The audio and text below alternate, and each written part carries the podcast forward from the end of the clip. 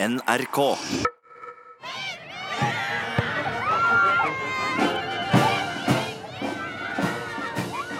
«17. mai 2017.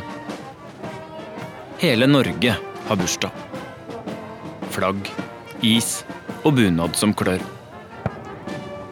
Det er lett regn i lufta. Mens du ser på barnetoget, lander et fly på den svarte rullebanen på Gardermoen.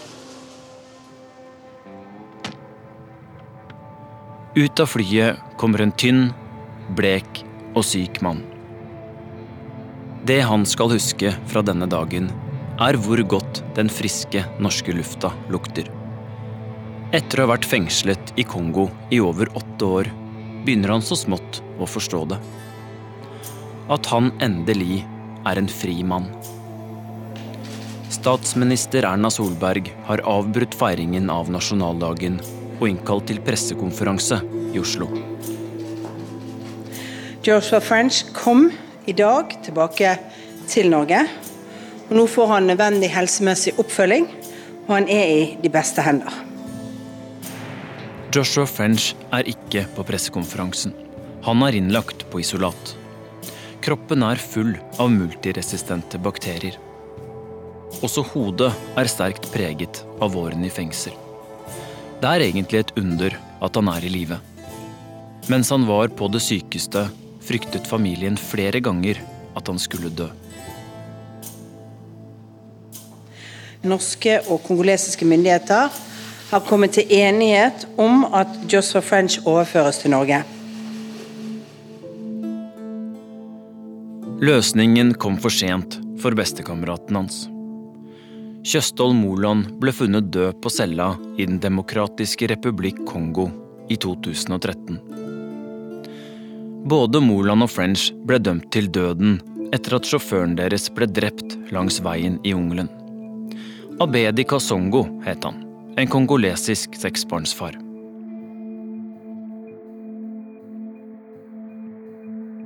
Det de færreste vet, er at fra cella i Kongo fortalte begge nordmennene en hemmelighet til venner og folk de stolte på hjemme i Norge.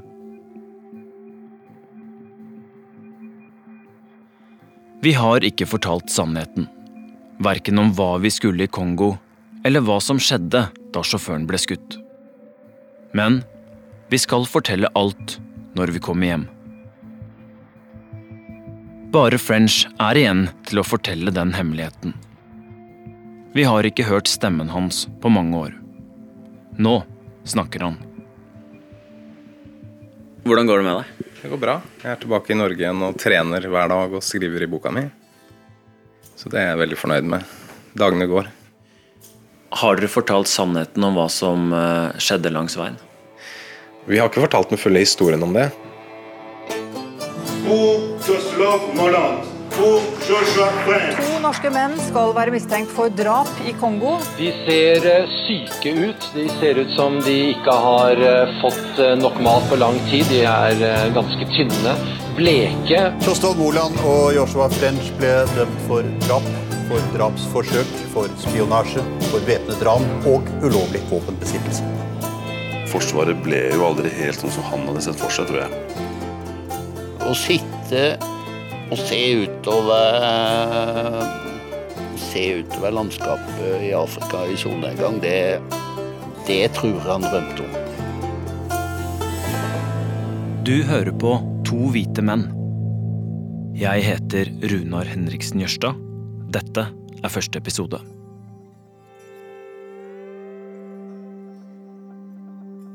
I snart 15 år har jeg jobbet som journalist. Det siste halvåret har vært det vanskeligste og mest spennende. Jeg har prøvd å forstå meg på Tjøstholm Moland og Joshua French. Det er det denne podkasten skal handle om. Hvordan to norske gutter, oppvokst blant trær og traktorer på bygda, kunne ende i en mørk fengselscelle i Kongo. Hvilke valg de må ha tatt i livet som gjorde at det kunne gå så galt. Både for dem og for en kongolesisk småbarnsfar. Kongosaken er en av de mest omtalte nyhetssakene i Norge. Aldri før har to nordmenn blitt dømt til døden i Afrika.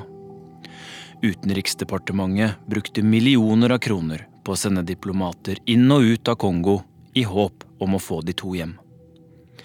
I denne podkasten skal vi møte mange som kjente Moland og French. Vi skal til Island og treffe presten som lærte Moland å slåss.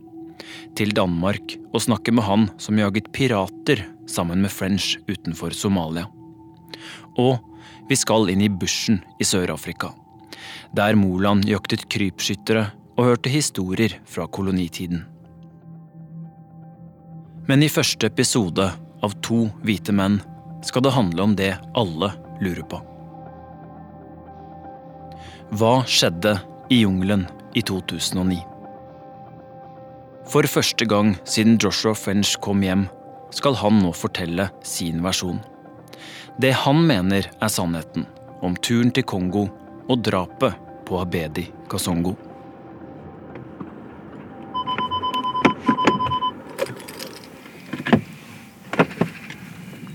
Ute på et gårdstun dekket av kritthvit snø står Joshua French. Jeg kjenner han nesten ikke igjen fra bildene fra den siste rettssaken. Den gang sto han inne i en varm rettssal i Kinshasa. I turkis og oransje fangedrakt. Svetten rant over den bleke huden hans. Nå står han her, i Vestfold, i ullgenser og olabukse, ti kilo sunnere. Hei. Greit å stå her? Ja. Supert. Hallo. Sett over kaffe. Det er veldig godt, det. Takk. Hva må man lære seg når man kommer hjem til Norge etter åtte år i et kongolesisk fengsel? Da er det i grunnen å finne seg selv igjen. Det er det man bruker tiden sin på. Jeg har ikke ekstra energi å bruke på andre, egentlig. Så det er å finne seg selv igjen, og rett og slett investere tiden i egen i, i seg selv, altså. Han har flyttet inn i et uthus på småbruket der han bodde mens han var tenåring. Det gamle bygget ble innredet i full fart mens French lå på sykehus etter at han kom hjem til Norge. Et stort rom pluss et lite bad. Kokeplate, vannkoker og kjøleskap. Midt på gulvet står et gammelt trebord med to pinnestoler. Langs veggen en skrivepult og en seng. Og i hjørnet en sekk med ved og en boks proteinpulver. Han sier han liker det enkelt. Her får han noe av det han savnet i Kongo. Stillhet. Jeg orker ikke ha folk veldig tett på meg. Jeg trives veldig godt her hvor jeg bor på landet i Norge. Med en bil liksom og har det greit. Jeg orker ikke å bo i byen eller for mye folk oppå meg. Nei, enda. Jeg har ikke overskudd til det. Jeg har jo bodd på fellesmann, fellesmannsceller i årevis. Eh, og da til slutt så syns man det er veldig greit med sitt eget eh, privatliv. Men når du drømmer, er du i Kongo da? Jeg er ikke i Kongo, nei. Jeg, har, jeg er temmelig robust, og jeg har lagt det bak meg. Men det hender jeg tar meg en dram og sitter og tenker på det, og da må jeg jo le litt òg. Det var veldig mange som støtta meg i Kongo-saken, og Kjøssov. Som har hjulpet meg ut fra det fangenskapet jeg var i. Og det vil jeg aldri glemme. Det er jeg utrolig glad for. Og jeg trengte hjelp. Men jeg vil også si det at jeg har tatt mange forskjellige valg i livet mitt, og jeg er veldig fornøyd med livet mitt nå som jeg er en fri mann.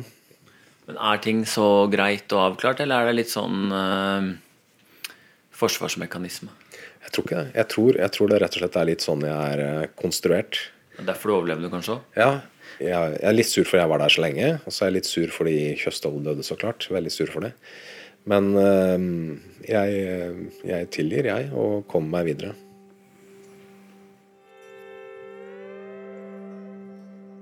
Hvor begynner man?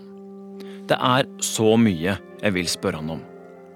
Tida i fengselet og hva som skjedde da Moland døde. Hva han tenkte da han rømte gjennom taket og løp mot elva. Og hva var greia med det bildet av Moland som tørker det blodige bilsettet? Men først må jeg spørre om det alle har lurt på i snart ni år. Hva skulle dere i Kongo? Vi var på en motorsykkeltur eh, inn i Kongo, og skulle, målet vårt var å nå Kisangani by, noe vi gjorde. Og eh, der skulle vi løse en, et lite oppdrag og før vi skulle dra ut av land igjen. Det var hele formålet med turen. Jeg har jo aldri tidligere nevnt at vi var på et oppdrag. Eh, verken i avhør eller til media og pressen mens jeg var i Kongo. Mens nå tillater jeg meg å si det. Og Det er jo for ikke å komplisere saken ytterligere. Men eh, nå som jeg er fri fra Kongo, så kan jeg jo fortelle deg. Nei, det har aldri French nevnt før. Uansett hvor mange dødsdommer eller malariautbrudd han så vidt har overlevd, har han ikke sagt det her. De sa noe helt annet. Så før French forteller mer, må jeg sette han på pause og si hva vi vet skjedde. Moland og French har dratt til Kisangani i Kongo. Der leier de en sjåfør, Abedi Kasongo, som skal kjøre dem tilbake mot Uganda. Med i bilen er også to andre kongolesere. En sjåførassistent og en passasjer. De kjører av gårde, men midt i jungelen, 109 km fra Kisangani, stopper de. Det er bekmørkt. Hva som så skjer, er det store spørsmålet. Men det vi vet, er at sjåføren blir skutt og drept.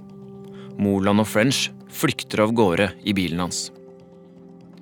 De blir arrestert. Først French, så Moland noen dager senere, etter flere døgn på flukt i jungelen. Deretter settes de i varetekt. Nå er saken i gang. Endelig, sier de. Og de er ved godt mot og tror at dette skal gå deres vei. Før de noen måneder senere blir dømt til døden. Skuelystne kongolesere samlet seg rundt de to nordmennene som ble bevoktet av ekstra mange soldater i dag. Klokken er 13.10. De tiltalte nordmennene har fått ordre om å reise seg. Oppgjørets time er kommet. Stemningen i det glohete rettslokalet De får til sammen ni dødsdommer. Moland for drapet, begge for drapsforsøk, spionasje, væpnet ran og for å ha dannet et kriminelt forbund, altså sikkerhetsselskapet deres. I tillegg ble Moland dømt for å ha hatt et ulovlig krigsvåpen. De gigantiske erstatningssummene som Norge ble dømt til å betale i de første rettsrundene, frafalt til slutt. Nordmennene påsto hele veien at de var uskyldige. At de ble angrepet av væpnede menn, og at det var disse som skjøt sjåføren. Da Moland og French ble tatt i 2009, satte norske journalister seg på flyet til Kisangani, på jakt etter svar. Hva er det dere gjorde her? Intervjuet er gjort på cella deres i Kisangani. Han som stiller spørsmålet, er Halvard Sandberg, reporter her i NRK. Moland og French sitter på en madrass på gulvet. I taket henger en hvit myggnetting. De er skjeggete og ser litt redde ut. Det er Moland som svarer. Hva er det dere gjorde her? Vi var her på en ferietur der vi så på muligheter for kanskje seinere å gjøre eventer i Kongo. Her f.eks. noe som, som Tarzan eller Tintin eller et eller annet i den typen. eh, Rundt omkring i Kisungani by. Nå, snart ni år senere, har Joshua French et helt annet svar. Han påstår de reiste inn i Kongo for å treffe noen. Vi hadde med oss eh, et våpen for å kunne forsvare oss, en hagle. Og så hadde vi med telt og klær og litt rasjoner. Og så forskjellige, forskjellige kameraer og, og GPS og utstyr da, som vi gjerne skulle ha med. Og Grunnen til at vi ikke fløy inn, noe Kjøstad og Moland hadde gjort tidligere, var fordi vi hadde med oss eh, litt forskjellige ting som vi skulle utlevere til, eh, på oppdraget. Hva da? Det kan jeg ikke gå inn på nå. En ting som ikke gjør seg i sikkerhetskontrollen? Eh, ja, vi hadde jo med hagla vår, men den registrerte vi jo på grensa. Eh, og så hadde vi med litt penger og andre ting. Dere var ikke på guttetur? Vi var ikke på guttetur. Vi var på et eh, reelt arbeidsoppdrag. Hva skulle dere? Vi skulle treffe noen. Eh, noen som var viktig, og som eh, relatert til informasjon og, og den type arbeid. Men det var en rimelig spent situasjon eh, i Kongo da. Hvordan eh, vurderte dere den risken? Vi var midt i, midt i et område som var temmelig betent. Og, men oppdraget vi skulle løse, var eh, low risk, og vi trodde at dette skulle gå temmelig greit. Men er det da såpass mye penger i det her at dere drar inn likevel, eller er det eventyrlysten, eller hva kicker inn her? Det var også en tidsramme som vi hadde, og vi, vi var avhengig av å snakke med en person innen en viss tid for at informasjonen skulle være interessant fortsatt, og derfor dro vi inn. Hvis ikke så hadde vi sannsynligvis vært i Gulf of Aden og jobba på skip. Hvem var det dere skulle treffe, da? Det kan jeg ikke gå inn på.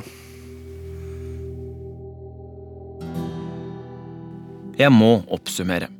Ute på oppdrag for å møte noen som var viktig. Oppdraget var relatert til informasjon, og de måtte snakke med en person innen en viss tid skulle det være noe vits.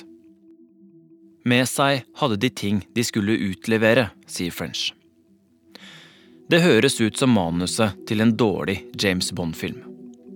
To hvite menn på en motorsykkel gjennom Kongos jungel. Med ei hagle, ID-kort fra Forsvaret og et telt i sekken. Jeg aner ikke hvor mye du som hører på vet om Kongo. For å skjønne hvor lite charterturaktig det er å reise inn i Øst-Kongo, bør du høre til nå. Moland og French kjørte inn i Kongo våren 2009. Her er et knippe Kongo-nyheter som nådde NRK i månedene før de dro. I Kongo er situasjonen desperat for 50 000 flyktninger som har havnet Verden er vekket av dens brutale vesen og innhold. Verdens største FN-styrke med 17 000 soldater under det blå fredsflagget er sjøl blitt jaga fra skanse til skanse den siste veka. FN regner med at 100 000 mennesker har flyktet til Kongo den siste uken. og de fleste Nordøst i Kongo er 45 mennesker funnet hakket i hjel i en eh, kirke. De fleste barn, kvinner og. Et sted jeg ville holdt meg langt unna. Vi snakker om et land preget av krig. Flere millioner mennesker har blitt drept. Og på denne tida, i 2008 og 2009, var landet igjen på randen av borgerkrig. Uroen og konfliktene går langt tilbake i tid. Men Kongos historie er ikke mitt spesialfelt. Derfor skal Tom Christiansen være historielæreren vår de neste to minuttene. Tom har vært Afrikakorrespondent for NRK to ganger, skrevet bøker om Afrika, og, det sprøeste av alt, han har vært kommunikasjonsrådgiver for Sør-Sudans president, Salva Kiir. Tom, eh, hva er Kongos velsignelse og forbannelse? Velsignelsen er råstoffene. De har alt. De har gull, diamanter, de har eh, skog, de har gummi, de har koltan, som mobiltelefonene våre lever av. Og forbannelsen er akkurat de samme tingene. De er så rike at alle vil ha det de har. Og de har ikke fått klart å utvikle landet sitt, mens alle andre har uh, ranet landet. Det henger ikke sammen. Men hvordan slår det her ut da med tanke på opprør og konflikter og uh, uro? Jeg har jo vært der og sett at det sitter liksom en milits på hver uh, fjelltopp og, og, har et område. Lokalbefolkningen må levere dem mat og andre ting. Og så får de til gjengjeld beskyttelse. Det er nå som det var for 150 år siden. Slik fungerer eh, Øst-Kongo. Eh, presidenten i landet har ikke kontroll over eh, hele landet. Og alle disse små militsene de representerer ikke Kongo, men lokale interesser til ulike etniske grupper og andre. Og disse rikdommene er jo da det som driver alt dette. Fordi man plyndrer gruver, man eh, stjeler det som er der. Og så kan man skaffe seg våpen, og så kan man skaffe seg kapital og fete bankkontoer i utlandet. Folk sulter og omkommer av de mest idiotiske sykdommer og situasjoner. Hit drar vi, tenkte Moland og French. Vi må tilbake til det French sa i stad, at de var ute på et oppdrag. Men hva slags oppdrag utfører man i Kongo? I 2009 hadde de to base i nabolandet Uganda. Der hadde de det siste halvannet året prøvd å stable på beina et sikkerhetsselskap som het Special Intervention Group Uganda. Drar vi til Afrika i begynnelsen av 2008. For min del første gang i Afrika. Hvordan var det? Nei, Det var jo litt spennende. da. Så Vi var på en eh, Vi hadde et oppdrag som eh, var eh, liggende, som Kjøstov hadde hatt en stund, med sikkerhetsselskapet hans, som var i Uganda. Og jeg var med han også på en bli kjent-tur, så vi hadde en liten rundreise der nede. Og jeg ble komfortabel med kontinentet. Vi anså jo oss selv som leiesoldater og kontraktører. Og agenter, hvis vi måtte være det.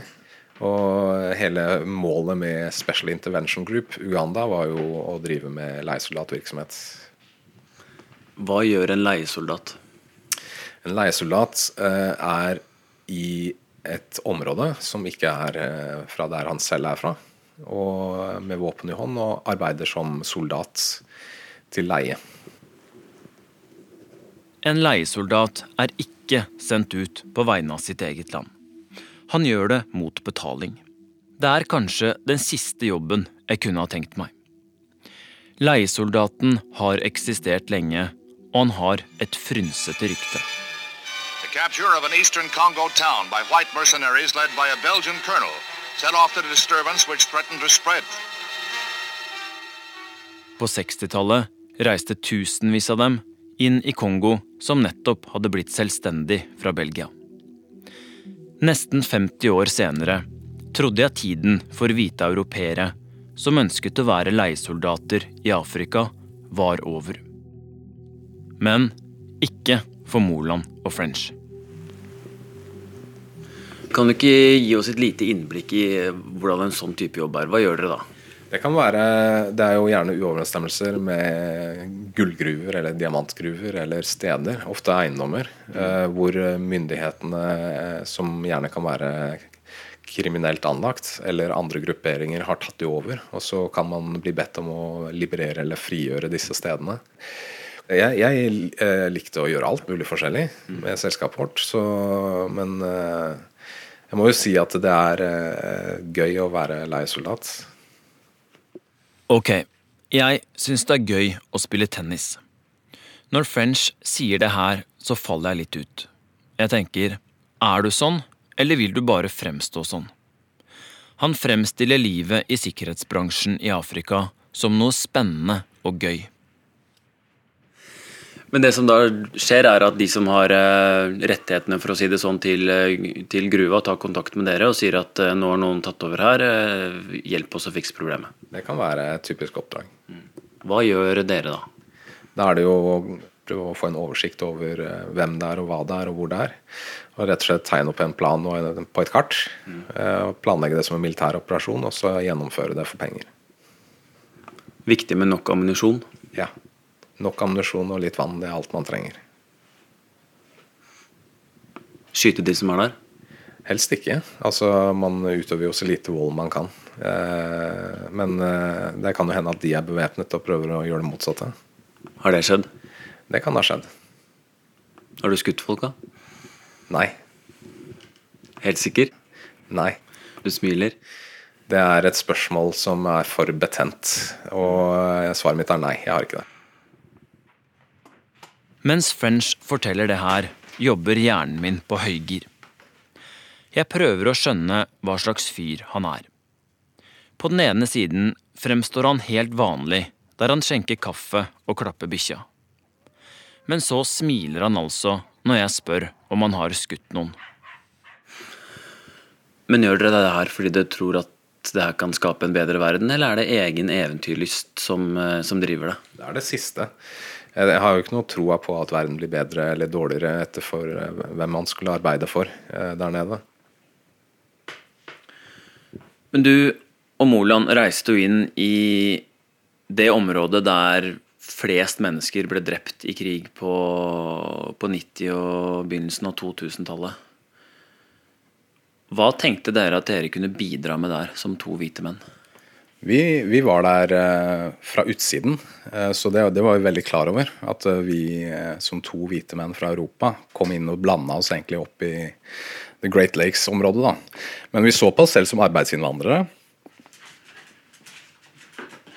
Men skjønner du at jeg sliter litt med å forstå hva, hva dere to alene kan utrette der? Nei, Det var jo arbeidsmuligheter da, i sikkerhetsmiljøet. Og der var det et vakuum som vi fylte opp i vårt lille nisjemarked der nede. Har dere noe dokumentasjon på at dere jobba som leiesoldater? Ikke her og nå, her jeg sitter nå. Vi mista jo alt eh, dataen vår mens vi satt i fengselet i Kongo. Så ble jo eh, alt beslaglagt i Uganda, nettopp for å hindre oss i å bevise noen verdens ting senere.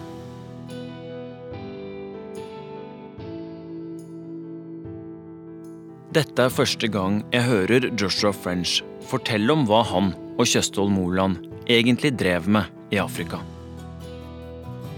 Sikkerhetsselskapet til Moland og French har vært mye omtalt. Allerede rett etter at de ble arrestert i 2009, skrev norske medier om hvordan de to nordmennene markedsførte seg som eksmilitære med mye erfaring fra Afrika. Vi drev med to ting. Vakthold av bygninger og livvaktoppdrag, sa Moland til Dagbladet i 2009. Grunnen til at jeg bruker litt tid på det her, er at French mener det forklarer alt som skjedde i Kongo. Vi kommer til det veldig snart. I tiden French sier de opererte som leiesoldater i diverse afrikanske land, hadde de kontor og bodde i Ugandas hovedstad Kampala.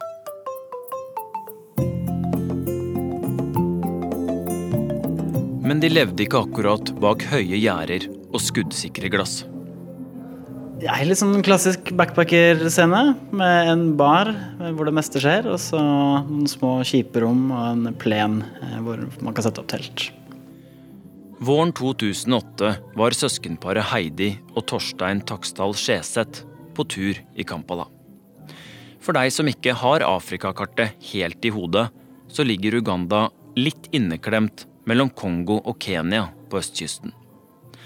Heidi og Torstein valgte å bo på et hostell. Det var litt sånn brokete gjeng. Noen lokale, eh, noen utlendinger som jobba der, og en del eh, merkelige backpacker-typer. Det var jo de to norske som man fort la merke til, som hadde bodd der en stund. De var fra England og Rhodesia, var den offisielle versjonen. Andre sa til oss de to der, de er norske. Vi snakka ganske lenge. Hva snakket dere om da? Eh, om eh, Afrika, og eh, fortalte litt av det de drev med der nede. Delte sin frustrasjon over Norge som et nisselueland. At de ikke forstår hvor hardt det kan være, og hvor viktig jobben de gjorde var. Jeg tror de var frustrert over mangelen på respekt og anerkjennelse fra eh, norske organisasjoner og myndigheter, og, og nordmenn generelt. At vi ikke, ikke forsto hvordan verden fungerte, rett og slett. Hvordan bodde de? De bodde i et telt på plenen der. Et uh, militærtelt, om jeg husker riktig. En sånn kamuflasjetype ting. They were here for about 18 months. Dette er John, han som drev backpackerstedet i Kampala i 2008. They had a tent, a green tent, like a military tent. They were down behind the bamboo where you didn't couldn't see them from the hostel. They were sort of they wanted to sleep like army guys behind the bamboo, sort of hidden from everything.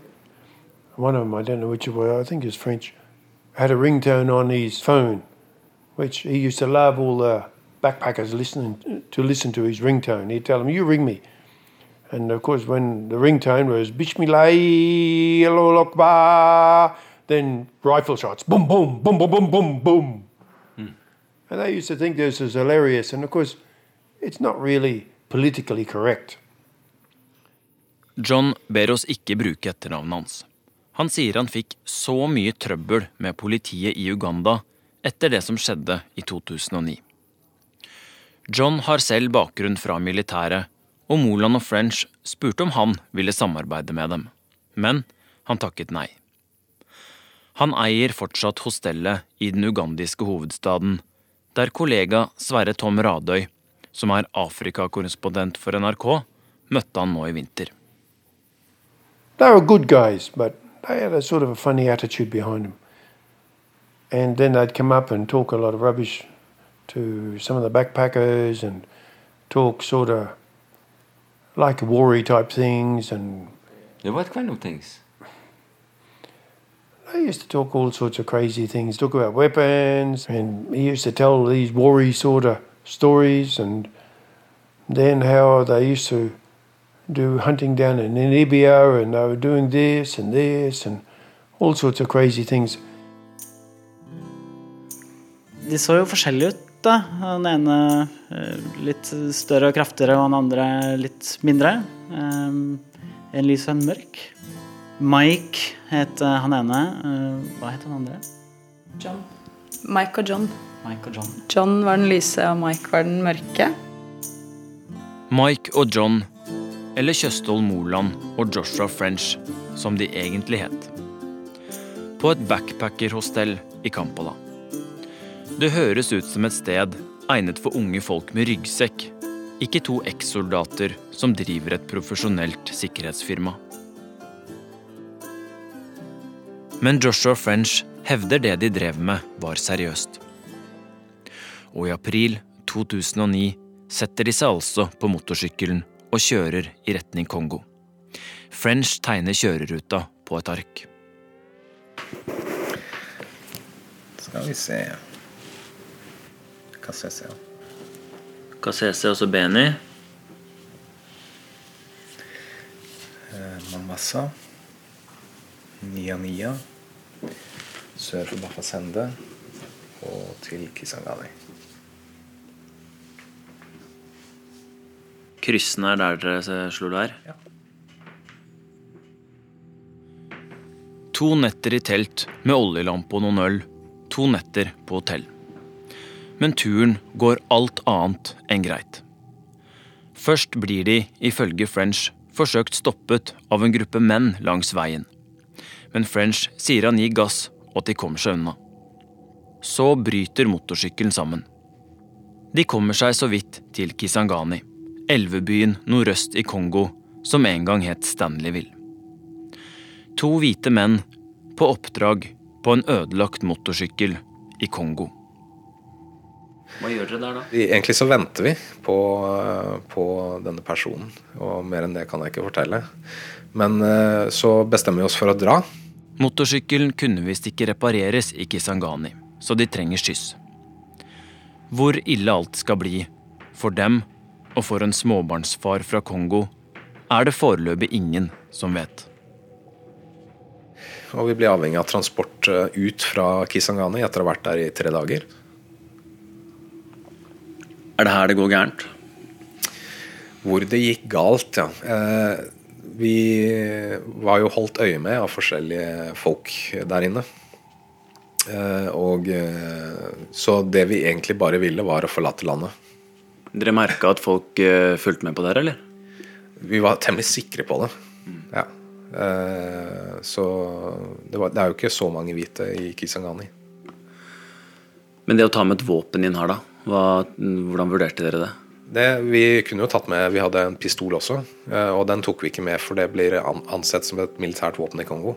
Så det eneste vi hadde med, var en hagle for å kunne forsvare oss selv. Eh, Eller vise at vi, vi kunne forsvare oss hvis eh, situasjonen oppsto. De pakker med seg bagasjen, inkludert hagla. Den ødelagte motorsykkelen blir lastet opp på pickupen, en Toyota Land Cruiser. Sjåføren heter Abedi Kosongo. Han var medlem av Forbundet for kongolesiske yrkessjåfører og ble leid inn for å kjøre nordmennene fra Kisangani og tilbake mot Uganda. Kasimo Arajabo var med som assistent. I tillegg til Moland og French var det en siste passasjer med, Kepo Aila. Det tar tid før de kommer seg av gårde fra Kisangani, og innen de er ute av byen, begynner det å bli mørkt. Så skjer det. Spørsmålet er bare hva som skjer. Jeg har grubla på det her i mange år. Det som er klart, er at bilen stopper langs veien. Herfra og ut har det vært to helt ulike forklaringer. Dette sa Moland og French mens de var i Kongo. Det var kongoleserne på lasteplanet som ba sjåføren stoppe. Mens nordmennene står og tisser i veikanten, så smeller det.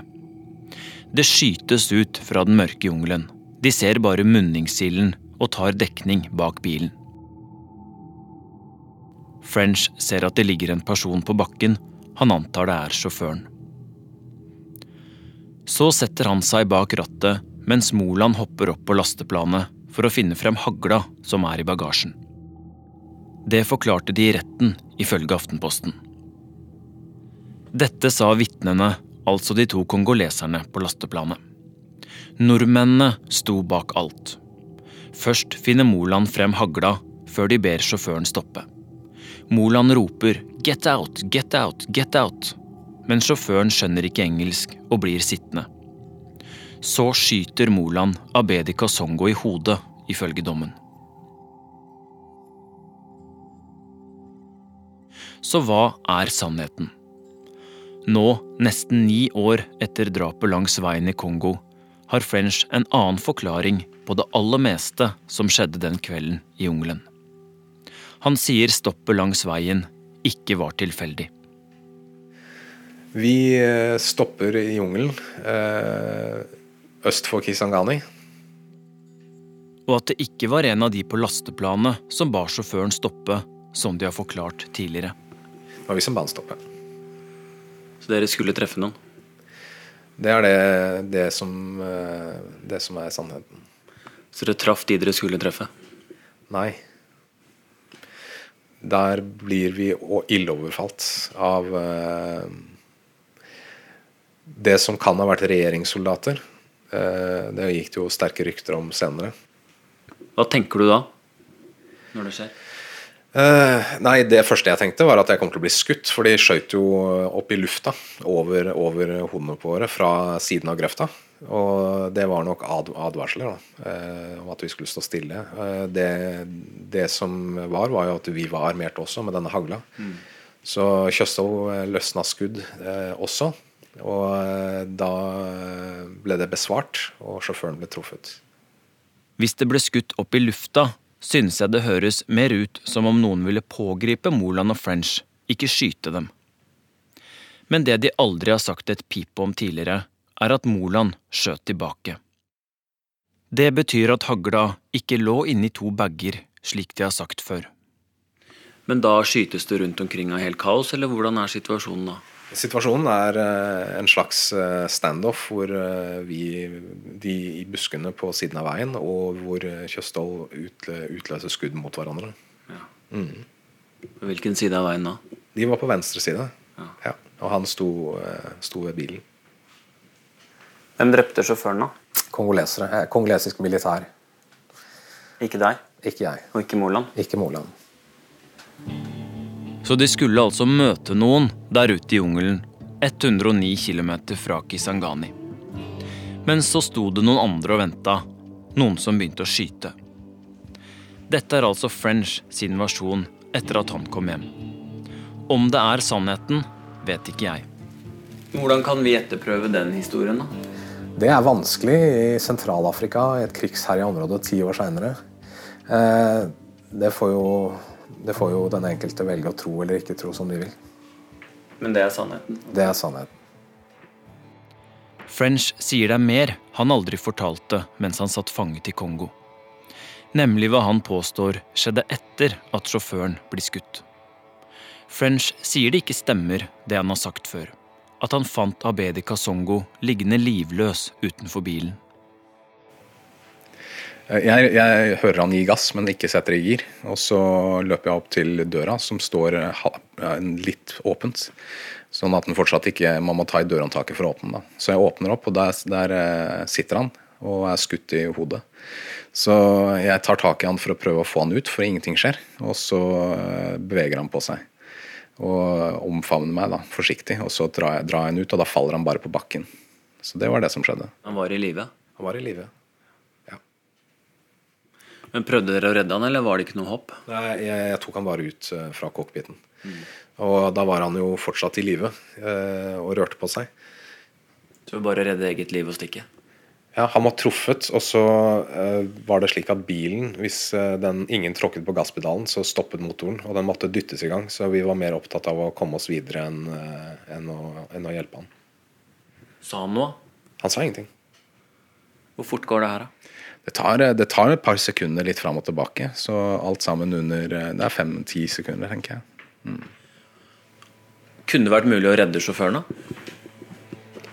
Redde han etter at han ble skutt? Eh, det vet jeg ikke. Med avansert medisinsk behandling så hadde jeg selvfølgelig kunnet overleve, antar jeg. Men eh, jeg tror ikke han eh, hadde noen sjanse i buskene der. I løpet av arbeidet med denne podkasten har vi flere ganger snakket med Bibish Olenjeke, som var kona til Abedi Kasongo. Sammen hadde de en to år gammel datter da det her skjedde. I tillegg til at livet til småbarnsmoren tok en brå vending da hun ble enke, befant hun seg plutselig midt i mediesirkuset. Vi ønsket å høre hvordan denne saken har påvirket hennes og datterens liv. Men det var ikke så lett å få til noe intervju. Intervjuavtalen ble stadig utsatt. Jeg har ingen problemer med å forstå at hun ikke ønsker eller orker å snakke mer om det her, snart ni år etter at mannen ble drept. Men når French påstår at mannen hennes var i live da nordmennene forsvant i bilen hans, har vi et ansvar for å fortelle henne det. Det er kollega Marit Kolberg som har holdt kontakten med Olenjeke, og som ringer henne igjen. Bonsoir, euh, madame. C'est Marit Kolberg de Norvège au téléphone. Herregud, er det første hun sier når hun får høre hva French nå forteller. Hun blir opprørt og ulykkelig, men vil ikke si noe mer om denne saken. Tenker du noen gang på enken, da? Det hender en gang eh, tankene streifer innom henne. Eh, Kjøstov sa jo at han påtok seg ansvaret. For, eh, for det som hadde skjedd. Da. Ikke det at han tilsto at han hadde gjort noe.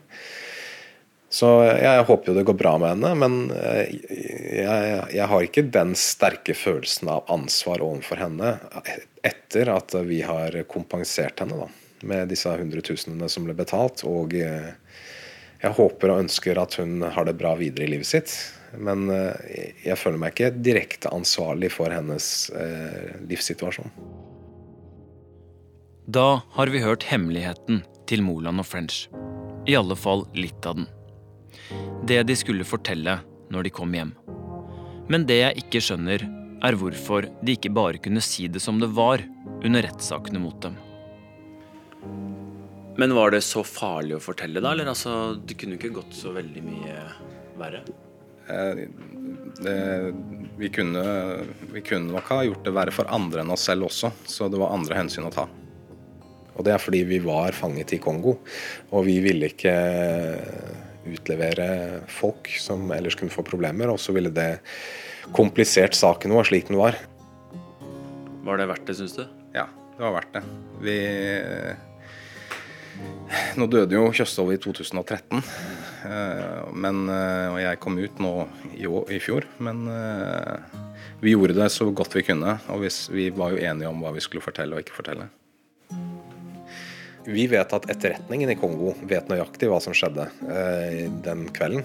Eh, og så vet vi også at militær justis ikke vet det, men bare måtte sitte og dikte opp og fikk klare signaler, eller fikk klare beskjeder fra Kinshasa hva konklusjonen skulle være, og det er at vi skulle bli dømte menn.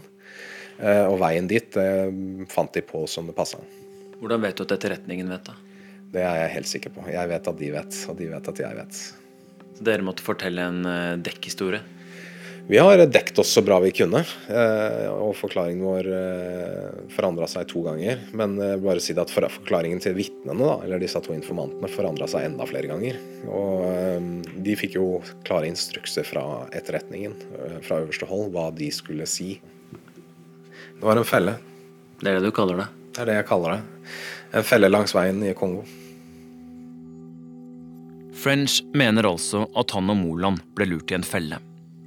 Men hvis du setter opp en felle, er det jo fordi du vil ta noen.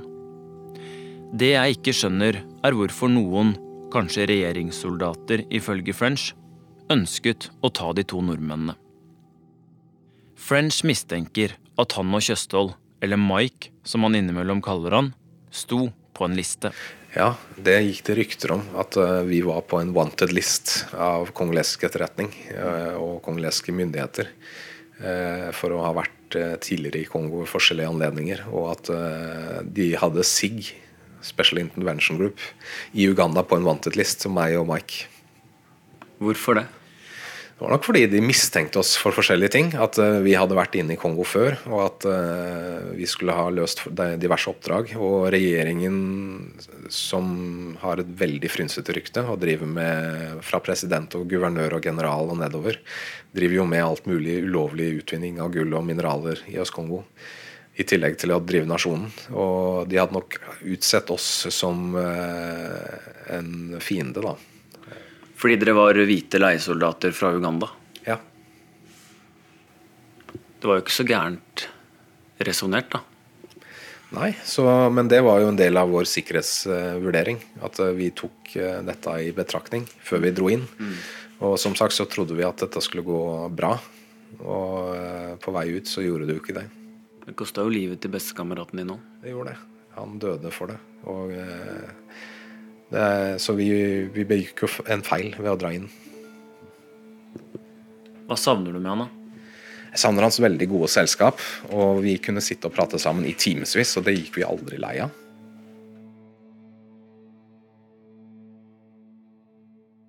Det er ikke mulig for meg å finne ut om French snakker sant eller ikke når han forteller om hva de skulle i Kongo, eller hva som skjedde i mørket i jungelen da sjåføren deres ble drept. Det finnes ingen obduksjonsrapport, ingen overvåkningsvideoer. Det blir ord mot ord. Men vi har snakket med Joseph Bangakia, som i 2009 var viseguvernør i provinsen som den gang het Oriental, området Kisangani ligger i. Han tror ikke på det French nå forteller. No, c'est totalement faux. C'est faux. Je pense que ils ont eu une altercation avec le chauffeur. Il y a eu Marit, hva er det han sier for noe? Altså, Viseguvernøren Josef Bangakia, som var den ansvarlige lokale myndigheten da drapet skjedde, siden selve guvernøren var på reise akkurat da, han er overbevist om at disse to nordmennene er skyldige, og at det var Moland som drepte Abedi Kasongo. Han mener det French eh, sier her er fullstendig feil, og han tror at eh, drapet på Kasongo var noe som skjedde etter en krangel. Og han avviser også at det skal ha vært kongolesiske soldater som overfalt dem langs eh, denne veien. Så det er egentlig sånn det har vært hele tiden, da, ord mot ord?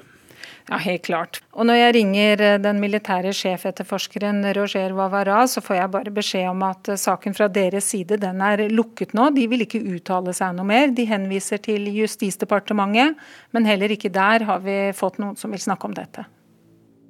Vi kommer ikke lenger på akkurat dette. Jeg vurderte å dra til Kongo, men valgte ikke å reise. Journalister har gravd masse i det her tidligere og de to kongolesiske vitnene som satt på lasteplanet, har forklart seg i retten. Jeg hadde ikke funnet noe nytt i Kongo snart ni år etter. Dessuten er det ikke bare bare å reise dit nå. Her er ingressen fra en fersk artikkel i Bistandsaktuelt. DR Kongo er rammet av det verste kolerautbruddet på 20 år. Politiet har drept demokratiaktivister utenfor kirker. Millioner er på flukt fra hæren og nye og gamle opprørsgrupper. En grisk og korrupt president utsetter nyvalg. Krisen i DR Kongo øker, mens den internasjonale bistanden uteblir. Men jeg har dratt andre steder. I denne podkasten skal du få vite mye mer om hva som skjedde i Kongo, i jungelen og i fengselet det blodbildet av Kjøsse Moland er Det er jo for øvrig ikke et smil, det er jo en grimase. Han er jo, bildet er jo tatt idet han beveger på seg. Så han har jo en helt unaturlig kroppsstilling og ansiktsgrimase. Eh, det bildet tok jeg før han vasket setet ut, for jeg ville ha et bilde av eh, eh, setet. For jeg så at det var veldig mye blod der. Og så lurer jeg på, hva var det med disse to gutta som gjorde at de havnet akkurat der, i jungelen i Kongo? Jeg skal gjøre et iherdig forsøk på å forstå de to ekssoldatene. Hva slags fyrer de var, og hvordan de ble sånn. Derfor skal jeg oppsøke flere av dem Moland og French møtte på sin vei til Afrika. Blant annet presten som lærte Moland å slåss. Come on, punch me. No, no, no, no, no. Do it again. Come on, like you mean it. Okay. Ah, that was. But see, he needs a little motivation. What is motivation? Come on now, hit me like you fucking mean it, bitch. Neste episode av To hvite menn kommer om en uke.